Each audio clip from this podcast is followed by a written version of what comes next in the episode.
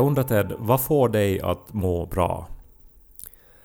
Ja, det är ju väldigt kontextspecifikt. Mhm. Eh, alltså att det kan vara en marshmallow kan det räcka med ibland. Eh, men Ja. du tänker kanske så här mer generellt? Nå, alltså, hur får du ditt liv att i allmänhet kännas uthärdligt och trevligt? Ja, alltså man måste väl på något sätt utgå från ens laster och brister och, och att man måste ha knep för att på något sätt lappa dem. Ehm, och jag vet att i mitt fall så, så handlar en sån här struktur i tidshantering, det är ganska viktigt. Mm. Att, att om jag till exempel vet att okej, den här uppgiften tar max två minuter att göra, så då gör jag den direkt. Att, att så länge det handlar om en två minuters uppgift så då, då, då, liksom, då bockar man av den genast. Men att om det är en uppgift som, som kräver mera tid så då sätter man den i en så här prioritetsordning. Eh, och så, så bockar man av dem vartefter. Men att om jag inte tar itu med de här små grejerna så då, då börjar de växa och så får de en massa små ögon och så får de svarta ben och så börjar de krypa omkring på väggarna och så stirrar Ja. de på mig på natten och viskar hemska saker om min personlighet. Ja, eh, nå, det här låter ju lite som stresshantering också, men väldigt ändå bra tips tyckte jag du hade.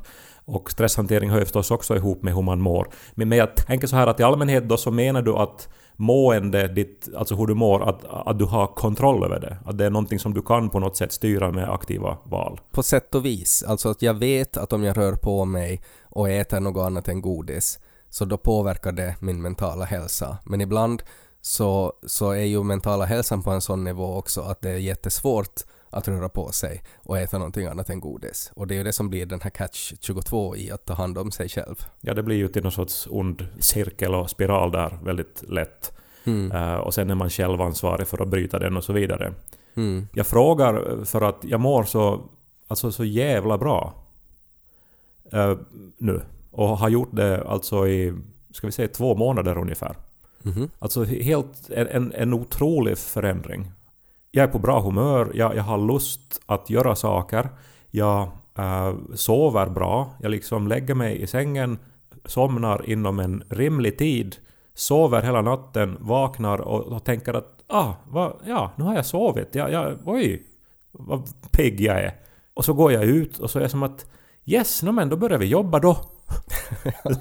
Ja, men det är ju de där replikerna som man bara drömmer om. Alltså att man stiger upp på morgonen och det första man tänker är Oj vad pigg jag är! Alltså att man är som en sorts mussepigg som bara ser fram emot att börja dagen. Ja, men nu lät det som att jag liksom är glad, för, för det är inte det jag menar, för att man måste inte vara glad för att må bra. Nej. Utan det som jag ärligt talat upplever är att jag har en lust att göra saker. En energi som har saknats ganska länge. Mm. Och det är helt... Det är otroligt skönt men det är också väldigt skrämmande när man förstår. För det är ju nu först som jag förstår då att jag, jag har ju inte mått så jättebra. Eh, jag har nog anat att jag inte mår bra. Eh, så här att jag har haft sömnproblem från och till i, ska vi säga, de senaste tre åren. Jag har i olika avseenden inte känt igen mig själv under en uh, längre tid. Jag har inte haft glädje av samma saker som jag brukar få glädje av. Eh, jag har haft en så här större oro, eh, en trötthet och överlag en sån här ganska att ah, men, jag skulle inte riktigt ork göra det där. Mm. Eh, som, som säkert hör ihop med stress och åldrande och att det har varit pandemi och det är mycket oro ute i världen och så vidare. Men oberoende så har det liksom varit dåligt, men nu plötsligt så är det inte dåligt längre. Nu är det som vanligt. Och till och med kanske lite bättre. Det låter ju som att, att nästa mening nu är någon sorts pyramidspel som du ska få mig med i. Allting börjar med när du beställde. Det är en liten summa man måste komma in med i själv. Ja, nej, jag inser nu, för att jag ska ju komma med en sån här, med ett avslöjande här nu. Men, men det här... Man mår så mycket bättre när man inte har pengar. ja, nej, men att efter en sån här setup nu så kommer jag ju kanske att skapa en idé i människor om att det som jag nu då har upplevt är någonting som alla kan Alltså någon sorts metod som alla kan ta till sig och få samma effekt. Det vet jag inte. Men jag är i alla fall helt 100% säker på vad den här förändringen beror på för min del. För att nu i två månader så har jag tagit en ovulationsmedicin.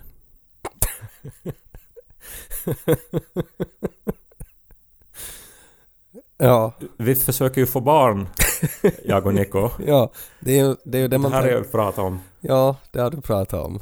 Och eh, vi griper efter halmstrån. Mm. Nej. Men det är sån här medicin, eh, man, att jag måste ansöka om tillstånd från Fimea för att få köpa den här medicinen. Vad är Fimea? Är det någon så här hönsindustrin eller någonting? Ja, är det inte någonting under jordbruksministeriet? Något Ja. här...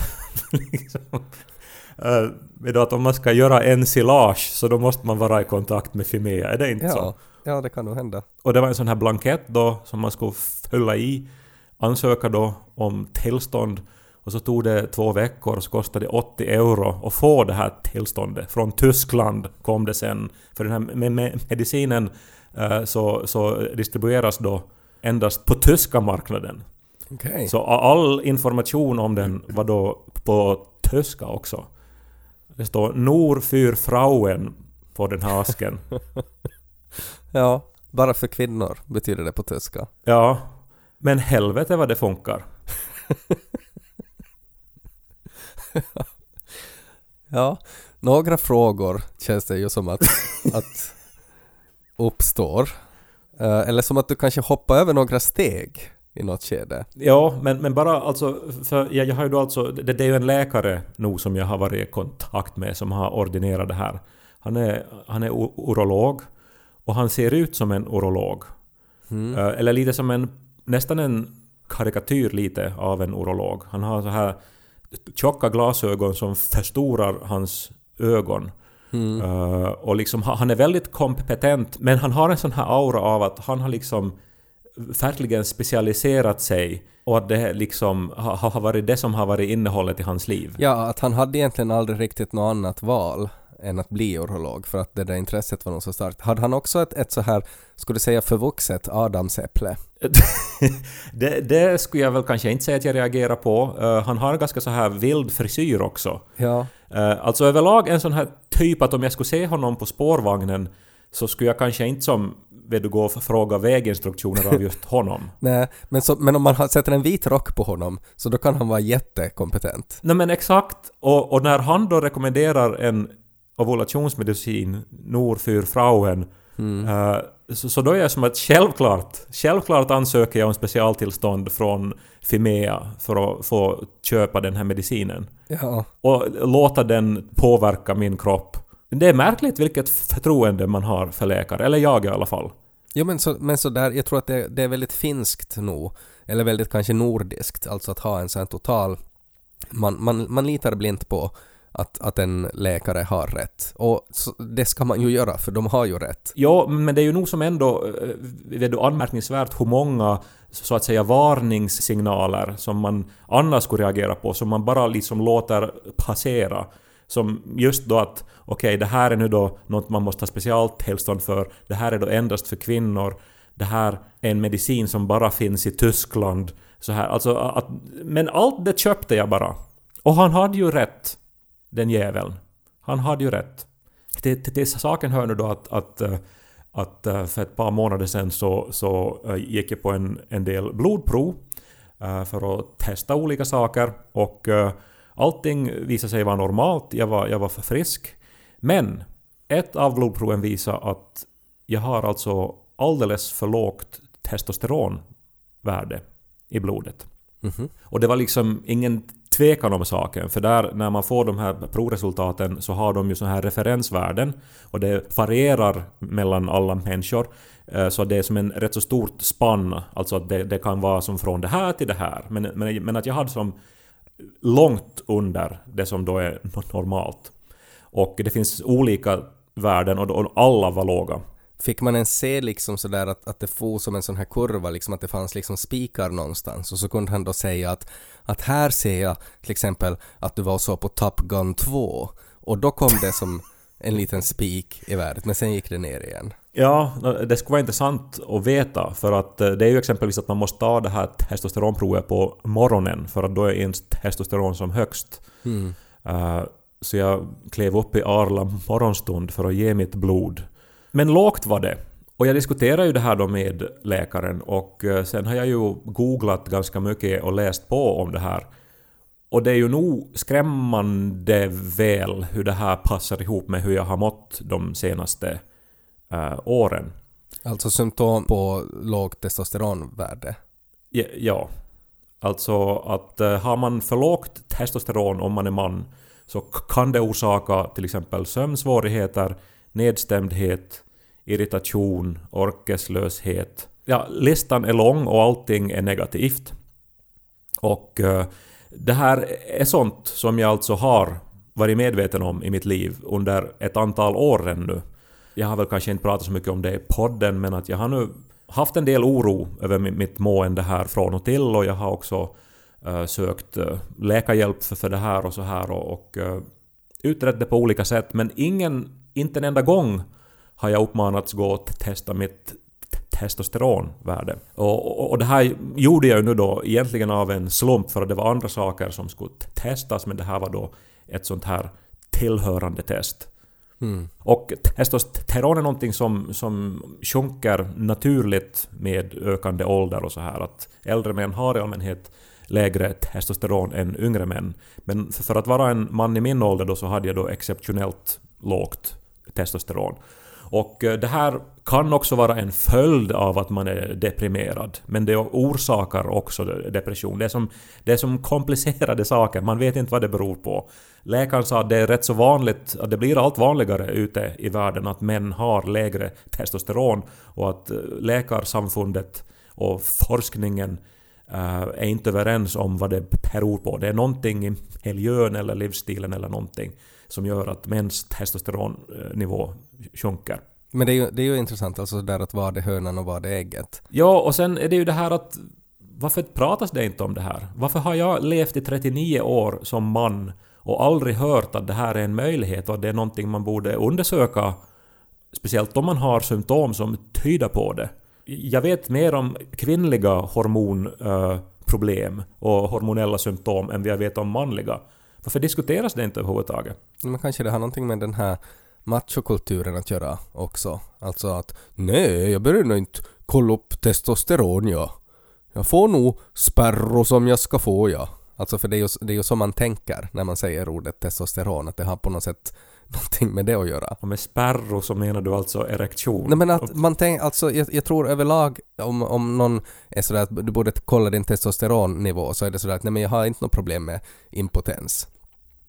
Att för att det är så förknippat, de sakerna, vilket då kan göra att det så här kulturellt gör att det är någonting som man som man då ogär, eller man drar sig från att, att liksom undersöka en sån grej. Ja men så skulle man ju tro att eftersom det finns en sån här eh, liksom törkan av så här macho-ideal hos en del män så skulle det ju vara jätteviktigt för dem då att de har sina halter på rätt nivå eftersom mm. testosteron ju Eh, är det som ligger bakom de här manliga dragen. Alltså skäggväxt och, och liksom muskelmassa och könsdrift och så vidare. Om man då som en man som har såna ideal då går och testar och så visar det sig då att man har lågt testosteron och att enda botemedlet är tysk medicin bara för kvinnor så inte skulle man ju ta det då. Nej, alltså man kan ju då råda bot på lågt testosteronvärde, äh, rätt så enkelt faktiskt.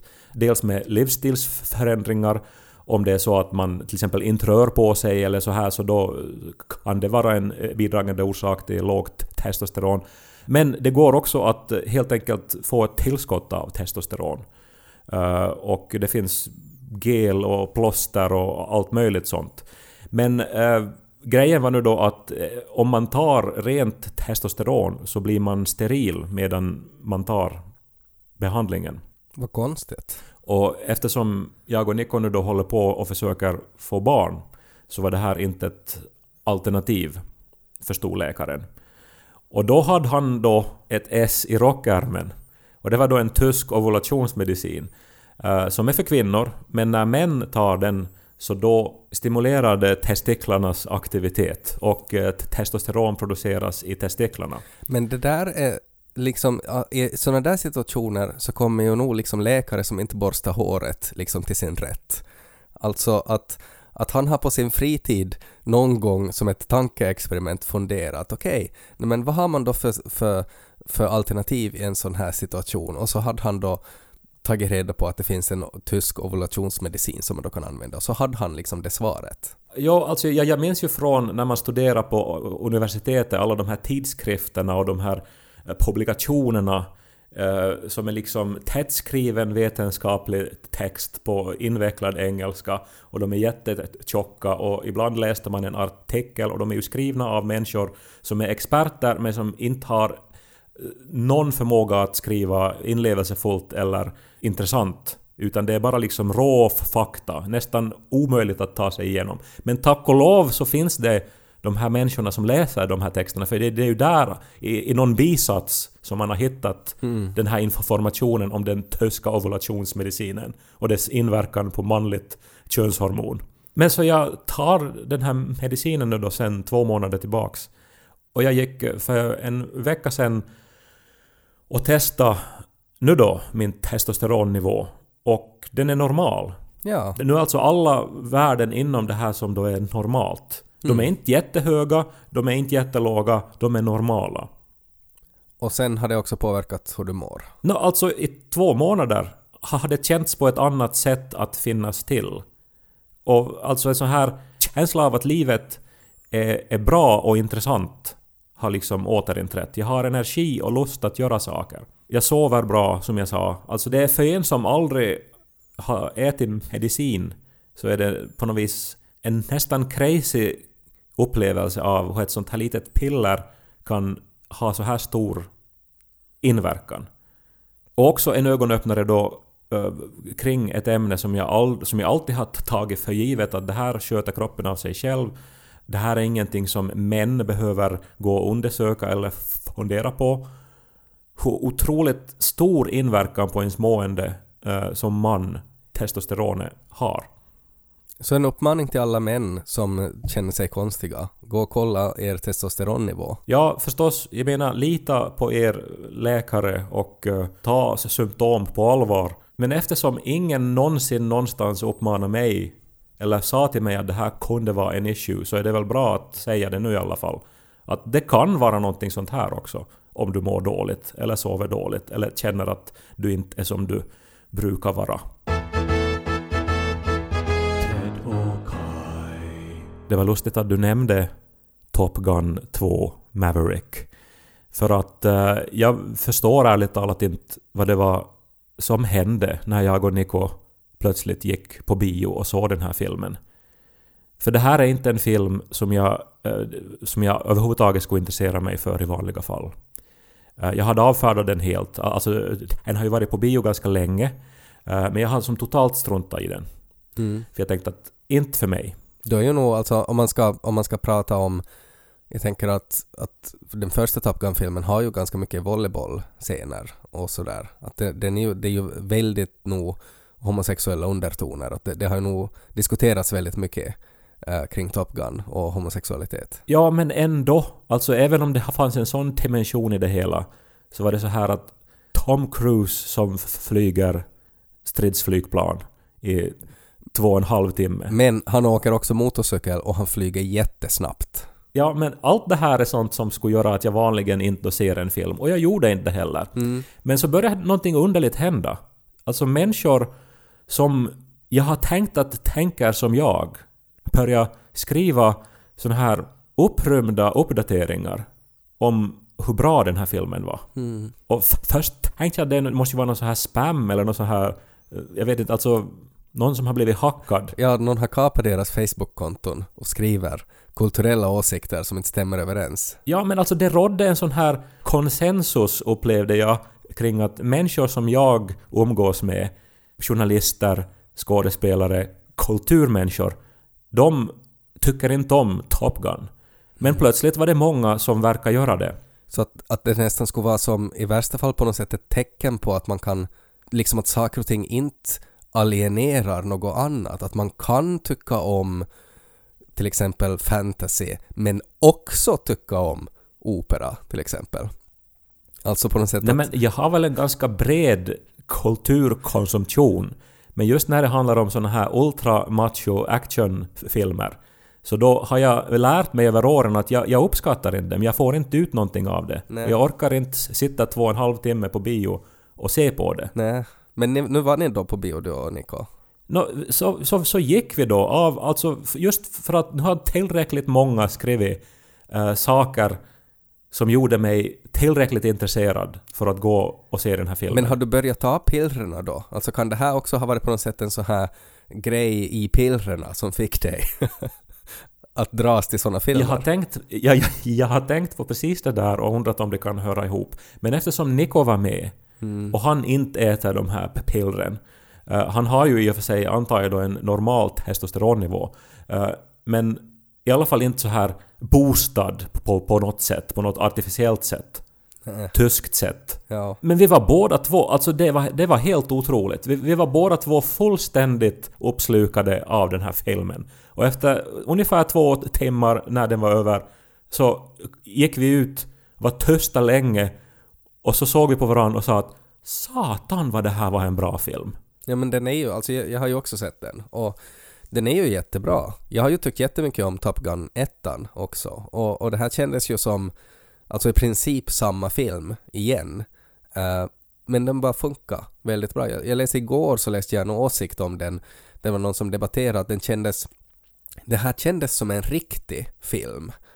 Uh, och, att, och att det som den människan tog fasta på var att den här var så den, det, det var liksom, det var, det var äkta stunts, det var en så här liksom ganska simpel story, tydliga utmaningar och sådär, att det var inte, det var, det var inte liksom en Aquaman-film, alltså, utan att, att det här var som en, en väldigt tydlig och klassisk, eh, klassiskt upplägg. Och att det är ganska, det är ganska sällsynt i dessa tider att se sådana filmer. Ja, det där tror jag att är någonting på spåren. Jag har försökt liksom analysera vad det kan vara. Är det liksom att det var bra regi? Var det bra klippt? Var det just liksom eh, rätt nivå av liksom spänning eller någonting? Så att det som eh, var trovärdigt utan att gå till överdrift. Eller alltså, för jag menar storyn är jätte, på, på något sätt banal. Det är sådär att, att när du har sett en tredjedel av filmen så då är det sådär att okej, jag vet precis vad det här är för film och vad skönt det är att se på en sån här film. Och så finns det en liten sån här oro att ja men tänk om det kanske ändå händer någonting som gör att det inte följer nu det här spåret som jag vill att det ska följa. Men sen så är det liksom rakt igenom är det precis det man förväntar sig. Och att det är som att ha som en skön pyjamas på sig i, i två timmar. Ja, och så mår man så bra efteråt. Det är någonting, alltså den förlöser någon sorts sån här glädje över, över alltså historieberättande eller någonting så här. Alltså för att den, den, den, den, den går på ett sätt precis som den förväntas gå. Men ändå upplever man sig inte att man, som, att man har upplevt det hundra gånger förr eller så här. Utan det, det, det var bara en, en jättebra känsla efteråt att jag såg någonting nu som, som jag mådde bra av. Det var som en väldigt självsäker film. Alltså sådär att om man, om man eh, tänker sig att, att man sitter i bilen, att det är någon annan som kör och sen är det en, en, en osäker chaufför så då är det ganska mycket att man bromsar lite för snabbt och man svänger lite konstigt och, och, och, och eh, vet man nu faktiskt vart man, vart man är på väg och hela det där liksom påverkar färden. Men det här var som en väldigt självsäker film där liksom allt bara satt. Alltså, de visste precis nivåerna på regi, på skådisarna, på tempot i klippet. Allt var bara väldigt skönt. Så att det kändes bara som att okej, men nu får, du, nu får den här filmen ta hand om mig i, i två timmar och sen är det bra efteråt. Men för jag menar, visst, alltså det är en väldigt manlig film för det handlar om, om, om framförallt manliga stridspiloter. Där finns också kvinnliga stridspiloter. Men de är också ganska manligt porträtterade. Alltså jag menar, det, det är en väldigt så här maskulin miljö Det är en, ma- en maskulin film, det är det ja. Och på något sätt så känner jag att det som den här riden ändå som vi var med om, så återspeglar rätt så tydligt min känsla av testosteronets effekt på mig nu. Alltså en sån här livslust, glädje, drive att göra saker, spänning, vara utvilad och fräsch. Det var liksom före, före du började med pillerna så vaknade du på morgonen och det var ingen musik alls. Men att nu när du vaknar på morgonen så är det det där du, du, du, du, du, du, du, du, du, du, du, du, du, du, du, du, du, du, du, och så pilotglasögonen på. Och så fortsätter det. Och, och jag menar, det, är- det är ju jättebra att inleda dagen på det sättet. No, alltså inte, det är jättelångt ifrån hur det kan kännas vissa morgnar nu, nu för tiden, men jag tänker bara ändå, alltså maskuliniteten, och speciellt som den har porträtterats i actionfilmer, har ju ganska dåligt rykte och den är ganska så här fånig och eh, liksom här överdriven och toxisk säkert på, på, på något sätt i många fall också. Medan Top Gun 2 så är som en ganska, skulle jag då kunna säga, en ärlig beskrivning av de fina sidorna med, med testosteron. Ja, alltså jag, jag, jag, jag tror jag förstår vad du menar för att det har ju det är ju en stämning, det är ju en känsla alltså som, som genomsyrar hela filmen. Och det är ju någonting positivt, det är ju någonting som ger en energi och som ger en uh, livslust. Samtidigt som det också har spänning och, och sådär att men hur ska det gå? Men att det finns ändå alltid ett, ett, liksom ett hopp om att ja men det, det blir nog bra. Det skulle kunna vara som en variant, alltså som en inte som en urolog, men alltså som någon sorts cineolog som man far till och så istället för medicin så skriver han ut filmer som man ska se på. Inte alls en dålig idé. Ja, Eh, alltså konstupplevelser överlag. Alltså, ja, tänk om det skulle kunna bli godkänt av Femea som olika behandlingar att du då. behöver, du behöver få något mera, mera action i ditt liv så då börjar vi med eh, på måndag så då ska du se på Predator och på tvåan så ska du se på Prey, den här remaken av Predator och på, på onsdag och så, och så där och så, så går det liksom vidare. Och så skulle biobiljetter förstås spon- eller stödas av FBA. Mm. Jag köper det här. Och eh, det är ju ofta Ted och Kai-podden som går i bräschen för uh, nymodigheter inom såväl kultur, samhälle som nu också medicin. Mm. Jag tänker att finns det någonting här också i den här Alltså den här stereotypt, liksom den här ta- tafattheten som finns också i hur män kommunicerar uh, med, med både andra män men att också med kvinnor och där det ju också finns, alltså det finns ju den här fördomen om att, att liksom att att män är det generellt sett inte bra på att kommunicera men sen finns det vissa saker som får dem att öppna sig. Och är det inte liksom skrämmande ofta som det kanske är just något så här att tycker du om Top Gun? Och så blir det det på något sätt som öppnar upp diskussionen. Så kanske det finns någonting i det här också, i att, att det finns ett sånt här välmående i actionfilmer.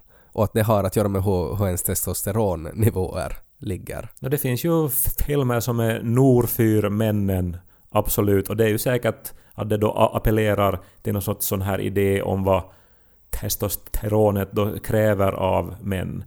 Men jag upplever att det här var första gången nu som jag ser en actionfilm som verkligen beskriver allt det som är underbart med testosteron och med manlighet. Vilken blurb det skulle vara till en film. Alltså att på DVD-fodralet. Allt som är underbart med testosteron och manlighet.